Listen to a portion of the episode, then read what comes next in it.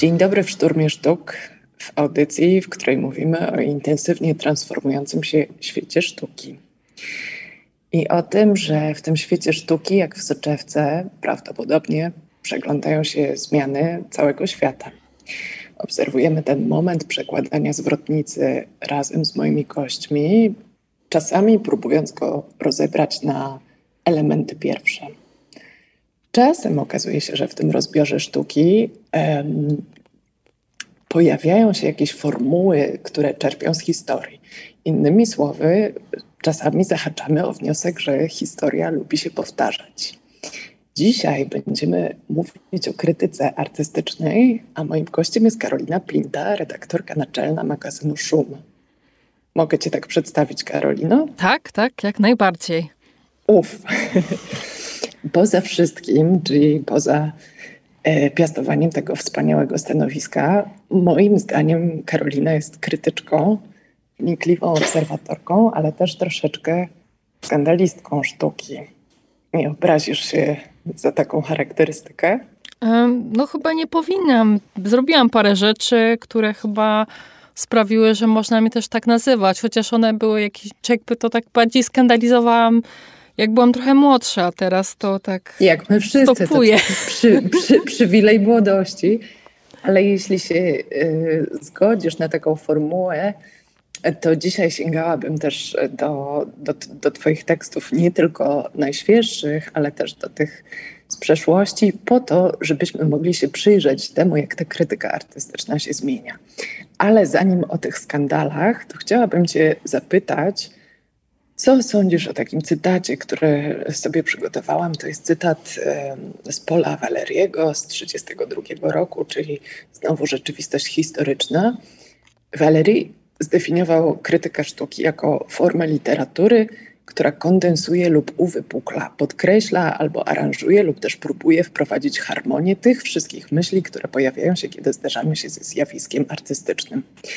Według poety i krytyka, publicysty, obszar krytyki to jest coś, co się rozciąga od metafizyki po inwektywy. No to czy dzisiaj to jest forma literatury, czy nie? Krytyka sztuki. Myślę, że nadal to jest forma literatury, bo też e, to hasło można traktować bardzo szeroko. No. Mówimy o literaturze pięknej, ale także o użytkowej. I wydaje mi się, że w krytyce sztuki to może być płynne. No, są, są, można pisać w taki sposób bardziej, hmm, powiedzmy, my to nazywamy, że profesjonalny, w tym sensie, że skupiony na dziele, masz ten, tłumaczysz to dzieło, jakoś na przykład je oceniasz, albo nie, w zależności od tego, jakim jesteś krytykiem lub krytyczką. Ale no, możesz też pisać e, bardziej literacko, to jest nawet mile widziane, szczególnie w przypadku takiej krytyki, która ma być dla szerszej publiczności. A są nawet. Czyli, żeby, żeby nie posługiwać się żargonem, tylko jakąś metaforą, tak? Tak, ja nawet jak byłam początkującą krytyczką, to bardzo na tym bazowałam e, że zależało mi właśnie o tym, żeby odejść od języka akademickiego, którego się nauczyłam na, podczas studiów, i zaproponować jakieś nowe formy wyrazu dla krytyki. No to się różnie udawało oczywiście, ale są takie ambicje i wydaje mi się, że one też bywają odświeżające, bo e, o, o sztuce trzeba mówić różnymi sposobami. Mhm. To w takim razie, jeśli trzeba o niej mówić różnymi sposobami, chciałam Cię zapytać, o, tę e, o te inwektywy, bo o metafizyce troszeczkę powiedziałyśmy, o metaforyczności, o tym, że można odchodzić od e, fachowego słownictwa, akademickiego języka, a inwektywy dzisiaj, nie w latach 30., ale w latach 20. XXI wieku to jest narzędzie godne krytyki sztuki? To się przydaje krytyce sztuki? Szczerze myślę, że nie za bardzo. Mhm. E, czasy się zmieniają i zmienia się wrażliwość. E, ta wrażliwość 100 lat temu była zupełnie inna. Jak się na przykład, nie wiem, sięgnie po teksty Witkiewicza mm, albo, nie wiem, takich poetów właśnie też e, z okresu międzywojennego w Polsce, czy krytyków, to one były no, niezwykle emocjonalne, często bardzo złośliwe, bardzo dosadne niejednokrotnie. Teraz to już nie jest tak to mile widziane. Nie jest też uznawane za profesjonalne w środowisku mhm. artystycznym. E, I wydaje mi się, że to też jest mm, wynik tego, jak generalnie, co my na przykład definiujemy jako przemoc, jako zachowania przemocowe, jak definiujemy własną wrażliwość. No pod tym względem ostatnie 10 lat to jest bardzo duża zmiana. E, więc też myślę, że takiego przyzwolenia, żeby pozwalać sobie właśnie na takie inwektywy w tekstach, no ono jest dużo mniejsze niż e, kiedyś. Czyli odchodzimy od zasady, że nieważne jak mówią, ważne, żeby mówili i zaczynamy jako krytycy dbać o emocje artystów, o ich psychikę. Czy można tak powiedzieć? No jest taka dyskusja też e, w środowisku na temat właśnie takiego empatycznego traktowania artystek, artystów, osób artystycznych, no ale też wzajemnie może empatii wobec e, wszystkich uczestników tego pola sztuki. Czyli jak najbardziej myślimy o emocjach artystów, ale jest to ja bym powiedziała, że to jest bardzo taki też e, trudny temat. W tym sensie, że on jest skomplikowany. No i co to znaczy, że myślisz o tych emocjach artystów i że nie chcesz ich zranić e, jako osoba pisząca o sztuce? Te emocje można bardzo łatwo zranić. Oczywiście. Poza tym tutaj pojawia się problem odpowiedzialności. Oczywiście dobrze być odpowiedzialnym człowiekiem i nie generować e, przemyśleń czy, czy emocji, które są negatywne i kogoś krzywdzą, ale jest też poziom odpowiedzialności wobec czytelnika, widza, kogoś, kto się spodziewa, że dostarczymy mu narzędzi też ocennych. Ja przyznam się szczerze, że nie umiem sobie jednoznacznie odpowiedzieć na to pytanie i zabrać głosu w tej dyskusji z wielkim zdecydowaniem. Myślę, że niestety to jest sytuacja, w której racje są złożone. Sama e, w e, młodości popełniłam kilka niezwykle krytycznych tekstów, których pewnie dzisiaj już bym e, nie napisała. Ale z drugiej strony muszę troszeczkę tego świata od metafizyki po inwektywy bronić. I chciałam tutaj y, powiedzieć o, o, o, Twoim pisaniu o sztuce, Karolino, bo pamiętam taką y, środowiskową dyskusję z 2014 roku. I tutaj też sobie wynotowałam taki cytat. O jednym z Twoich tekstów inny krytyk pisał. E, tym razem postanowiła użyć inteligencji, by zdemaskować pozera. Uzmysłowić nam wszystkim, że recepcja pracy jednego z artystów to czysty lukier bez, bezmyślne powtarzanie przez krytykę jego autorefleksji. Jeśli zaś chodzi o flamy, jakie wzbudził jej paszkwil, to dowodzą one jedynie towarzyskiej pozycji artysty. No i jak dla mnie jest to bardzo po pozytywna recenzja em, jakiejś literatury krytycznej, którą ty, Karolino, byłaś, popełniłaś. E, I mm, tutaj wyraźnie mówimy o tym, że tekst służy pokazaniu, że jakiś rodzaj artystycznej praktyki e, no jest odpowiednikiem, czy był odpowiednikiem tego, że król jest nagi. I może jednak warto czasami o tym mówić. Oczywiście, no, sztuka domaga się pewnej analizy, też krytycznej, moim zdaniem.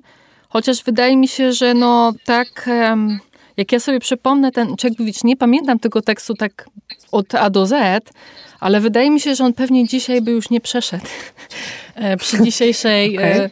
wrażliwości i pewnie zostałabym oskarżona o przemocowość. Wtedy takie słowo jeszcze nie funkcjonowało. I się tak nie no, myślało. Ono się kojarzyło zupełnie z czym innym, nie, tak. nie ze światem sztuki. Tak. E, natomiast takie myślenie o tym, do czego prowadzą pewne praktyki artystyczne, no jest skazane, żeby się też zastanawiać, czy ten efekt artystyczny, który dają jakieś działania, jest faktycznie na przykład dobry. Mhm. W tym y, komentarzu do Twojego tekstu pojawiło się hasło, przepraszam, termin flame. Jak rozumiem, flame to płomienie. I jakaś taka samorodna próba zmapowania obszaru, który dzisiaj um, nazywamy hejtem, tak mi się wydaje przynajmniej. I to mnie odsyła do takiego pytania, mm, czy, czy, czy jest tak, że przejście krytyki sztuki do świata internetu, do świata cyfrowego, otworzyło ją na to, co jest charakterystyką polskiego internetu, czyli hejt, czy przymknęło to, co mówisz, raczej, raczej by znaczyło, że e, środowisko krytyków się cenzuruje, no ale ten hejt chyba wobec słabej sztuki gdzieś się w internecie pojawia. Szczerze nie wiem, czy się pojawia gdzieś hejt wobec słabej sztuki. Natomiast mhm. internet na pewno wpłynął na samą krytykę, w tym sensie, że pojawił się nowy rodzaj krytyki. Krytyki internetowej.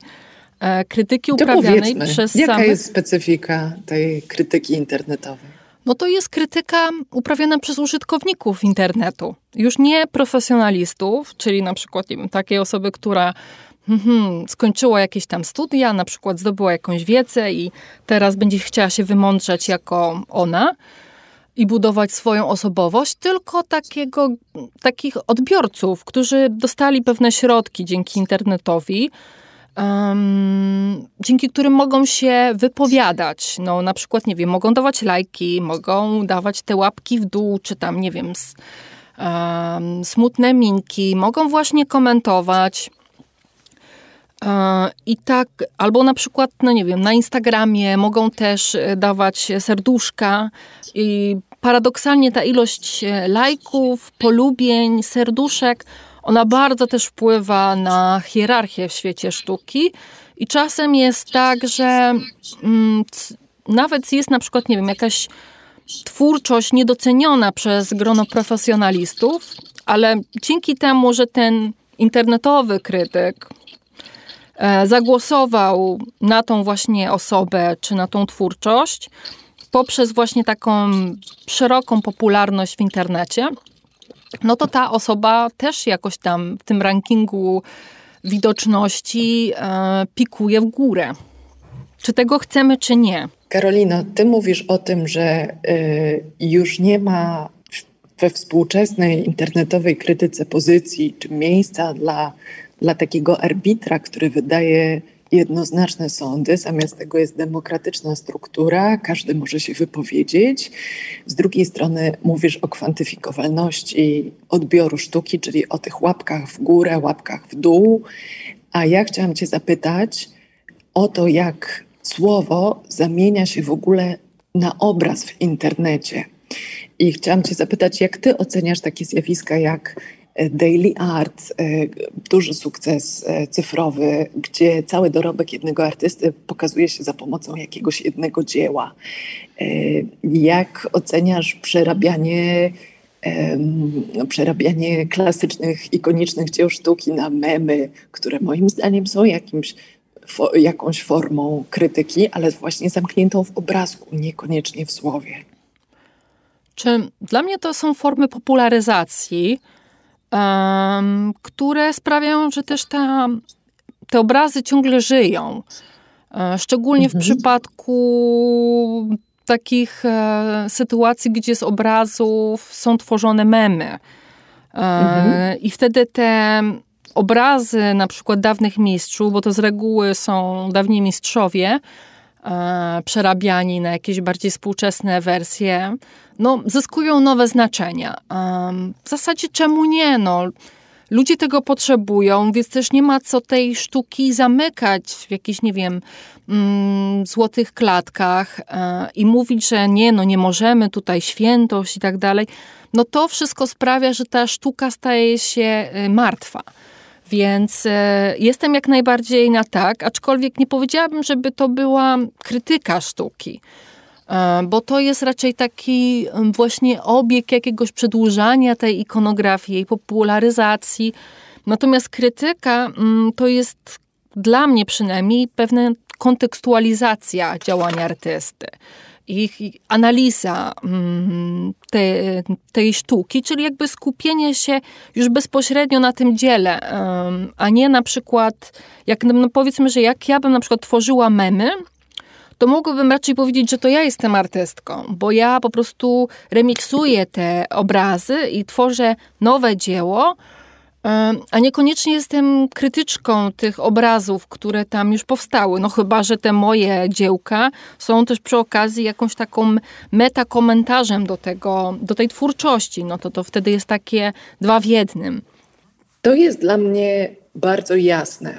E, I ty mówisz o jakby takich założeniach publikacji czegoś, tak, żeby ta publikacja była krytyką sztuki, czyli o, o jakichś takich, że tak powiem, wyznacznikach definicyjnych krytyki sztuki. A chciałabym jeszcze Cię zapytać o, o funkcję krytyki sztuki dzisiaj versus te historyczne funkcje, ale nie będę wracać do lat 30. XX wieku. Chciałam zapytać o taką świeższą historię, e, czyli ludzie sztuki, ludzie obiegu sztuki pamiętają okolice 2009 roku i e, taki zwrot użyty po raz pierwszy przez Jakuba Banaś na polski surrealizm mówił zmęczeni rzeczywistością. Czy w ogóle jest, żyjemy w takim świecie, w którym może dzisiaj coś nazwać w ten sposób, żeby to przeszło do języka albo stało się termin, używa szersze grono ludzi? Widzisz, widzisz taki potencjał krytyki? No wiesz, są nowe terminy, które jakoś tam wchodzą do języka artystycznego. Na przykład teraz mówi się często o sztuce postartystycznej, czy takich działaniach postartystycznych. No to nie może być już sztuka, to jest raczej właśnie taka praktyka postartystyczna. E, natomiast e, no tak, to hasło nie ma takiej funkcji jak na przykład zmęczeni rzeczywistością, albo na przykład, nie wiem, um, jakieś tam młodzi, um, nie wiem, młoda sztuka z Polski, którą to taki termin Pawła Leszkowicza, wymyślony też 20 e, lat temu, żeby określić jakieś nowe zjawisko, nowy trend w sztuce. Um, teraz wydaje mi się, że to jest trochę inaczej, w tym sensie, że Wiele osób w naszym środowisku czuje taki opór, żeby tworzyć jakieś trendy. I jest A jak też. Myślisz, dlaczego? No to jest taki opór przeciwko mm, właśnie takim starym strukturom władzy, jakby narzędziom władzy. No bo to był jakiś rodzaj też e, e, narzędzia wartościowania, lansowania konkretnych artystów. Ja na przykład w swojej praktyce, jak rozmawiałam z artystami, którzy byli moimi równolatkami. E, już jakiś czas temu wszyscy mi zawsze mówili, że oni nie chcą być w ogóle w żaden sposób nazywani. Nie chcą być żadnym trendem, nie są jakimś wspólnym z jednym pokoleniem, że tego pokolenia nie da się, przynajmniej tak mi tłumaczyli, ująć jakieś takie proste ramy, jakiegoś właśnie hasła do lansowania, e, co oczywiście później miało na przykład też rynkowe przełożenie. I wydaje mi się, że no, wtedy te dyskusje były początkiem tego, co mamy teraz, czyli takiego, takiej dyskusji o demokratyzowaniu środowiska. I o tym, żeby już nie było tej konkurencji w środowisku, żeby już e, nie było takiego brutalnego wartościowania, jak to kiedyś miało miejsce, e, tylko żeby, no właśnie, wszyscy byli dla siebie bardziej empatyczni, e, bardziej wyrozumiali bardziej walczyli na przykład we wspólnej sprawie ku lepszemu jutru, to już to jest takie już bardzo lewicowe hasła. E, no i te postulaty takiej równości demokratyzacji, one mm, e, są słyszalne nie tylko w stosunku do krytyki, ale w ogóle systemu artystycznego. Na przykład konkursy, przeglądy artystyczne, jakieś biennale, e, wielkie wydarzenia międzynarodowe. Mm, no one wszystkie są poddawane jakiejś krytyce, bo jest taki, hmm, znowuż trend do tego, żeby, e, żeby ten świat sztuki był bardziej demokratyczny. Jest taka fantazja, staranie się o to.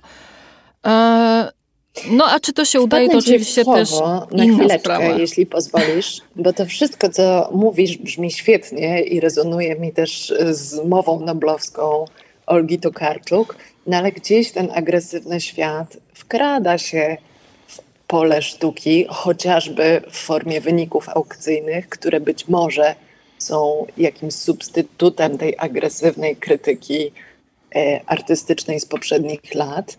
I gdzieś ten wynik i ta ocena zawsze się będzie pojawiać, choćby była wyrażona wynikiem e, aukcji. E, no tak, oczywiście. Dla mnie, jakby wiesz, dla mnie to też jest fajne, taka myśl, że teraz wszyscy będziemy szczęśliwi i równi i nie będziemy już ze sobą konkurować, tylko że hmm, ta weryfikacja i ta hierarchia, ona i tak jest budowana. Nawet jak ja sobie myślałam o tym, czy możliwa jest taka krytyka antyautorytarna, gdzie już zupełnie niczego nie wartościujemy, nie mówimy, kto jest dobry, a kto jest zły, mm, no to wydaje mi się, że ona też jest nie do końca możliwa tak do przeprowadzenia w 100%, bo i tak zawsze wybieramy. I tak jakby, no nie wiem, idziemy na wystawę i decydujemy, piszemy czy nie. No i to już jest wybór, to już jest wartościowanie, to już jest budowanie tej hierarchii. E, jakby nie chcieć budować hierarchii, to w zasadzie nie wiem, jak powinna się taki krytyk zachować. Chyba no wszystko, nie wiem, wszystko chwalić. No, nie da się, no nie da. Zawsze, zawsze coś tam musisz wybrać, no. Też mogę podać taki tak. przykład. Ostatnio byłam w jury konkursu artystycznego w Krakowie. E, I też tam mhm. mieliśmy taką dyskusję, e, bo okazało się, że uczestnicy chcą zrezygnować z nagrody głównej. No ale była jedna taka bardzo dobra praca, Oczywiście nie powiem, jaka to, bo jeszcze nie ma wyników, no ale wszyscy chcieliśmy ją nagrodzić. No i dowiedzieliśmy się o tej prośbie tych uczestników w ostatnim momencie, jak już wybraliśmy tą pracę i wszystkim się zrobiło przykro. Tym jury, temu jury, że no co teraz nie nagrodzić, tej, nie wyróżnić tej najlepszej pracy, nie pokazać jej, jakby nie wskazać, ej, świetna robota, gratulujemy, tylko jakoś. I no, jak z wiem, tego wybrnęliście? No, przyznaliśmy tą nagrodę.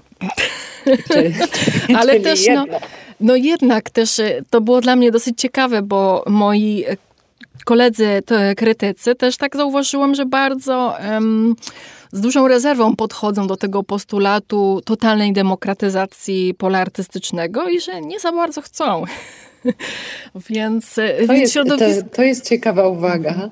Ja, ja też myślę sobie, to jest jakaś moja hipoteza, że e, taka agresywniejsza krytyka artystyczna miała sens w wolniej działającym obiegu sztuki, kiedy wystaw było trochę mniej, kiedy artyści nie mieli aż takich możliwości autopublikowania się chociażby w internecie i byli w stanie wyciągać wnioski albo uwzględniać, mówiąc brzydko i okrutnie, ten feedback krytyków w swojej praktyce artystycznej. W momencie, w którym tak dużo dzieje się w świecie sztuki, jedna krytyczna recenzja jest w stanie przekreślić, no, czy, czy Dobrze. E, ja mam tak, takie przemyślenie, że agresywniejsza krytyka e, artystyczna miała sens, przy trochę wolniej działającym obiegu sztuki, gdy, kiedy było mniej możliwości pokazywania prac, też w internecie mniej możliwości autopublikacji. E, całość działała wolniej jako zamknięty system, gdzie krytyk dawał feedback, rodzaj feedbacku, brzydkie słowo. Artysta był w stanie wyciągnąć z tego wniosek albo wprowadzić korektę. Teraz jedna agresywna E, negatywna recenzja jest w stanie przekreślić czyjąś karierę artystyczną i to jest być może szkoda. To jest moja hipoteza dotycząca tego, dlaczego te stare formuły e, krytyki nie do końca działają albo nie do końca mają sens. No ja się nie zgodzę, że wiesz, wydaje mi się, że jak kiedyś na przykład te, cofnijmy się 100 lat temu, powiedzmy jakiś krytyk establishmentowy wysmażył recenzję, negatywną o jakimś artyście, to mógł mu, mógł mu zniszczyć życie. No i przecież takie przypadki bywały. No. Artystów niedocenionych, awangardowych, których krytyka jechała, no oni w zasadzie nie mieli jakiejś takiej spektakularnej, instytucjonalnej kariery, tylko działali bardziej w jakichś takich, nie wiem, um, miejscach um, powiedzmy, że ofowych, no właśnie przez to, że nie byli dopuszczeni na salony przez jakiś czas.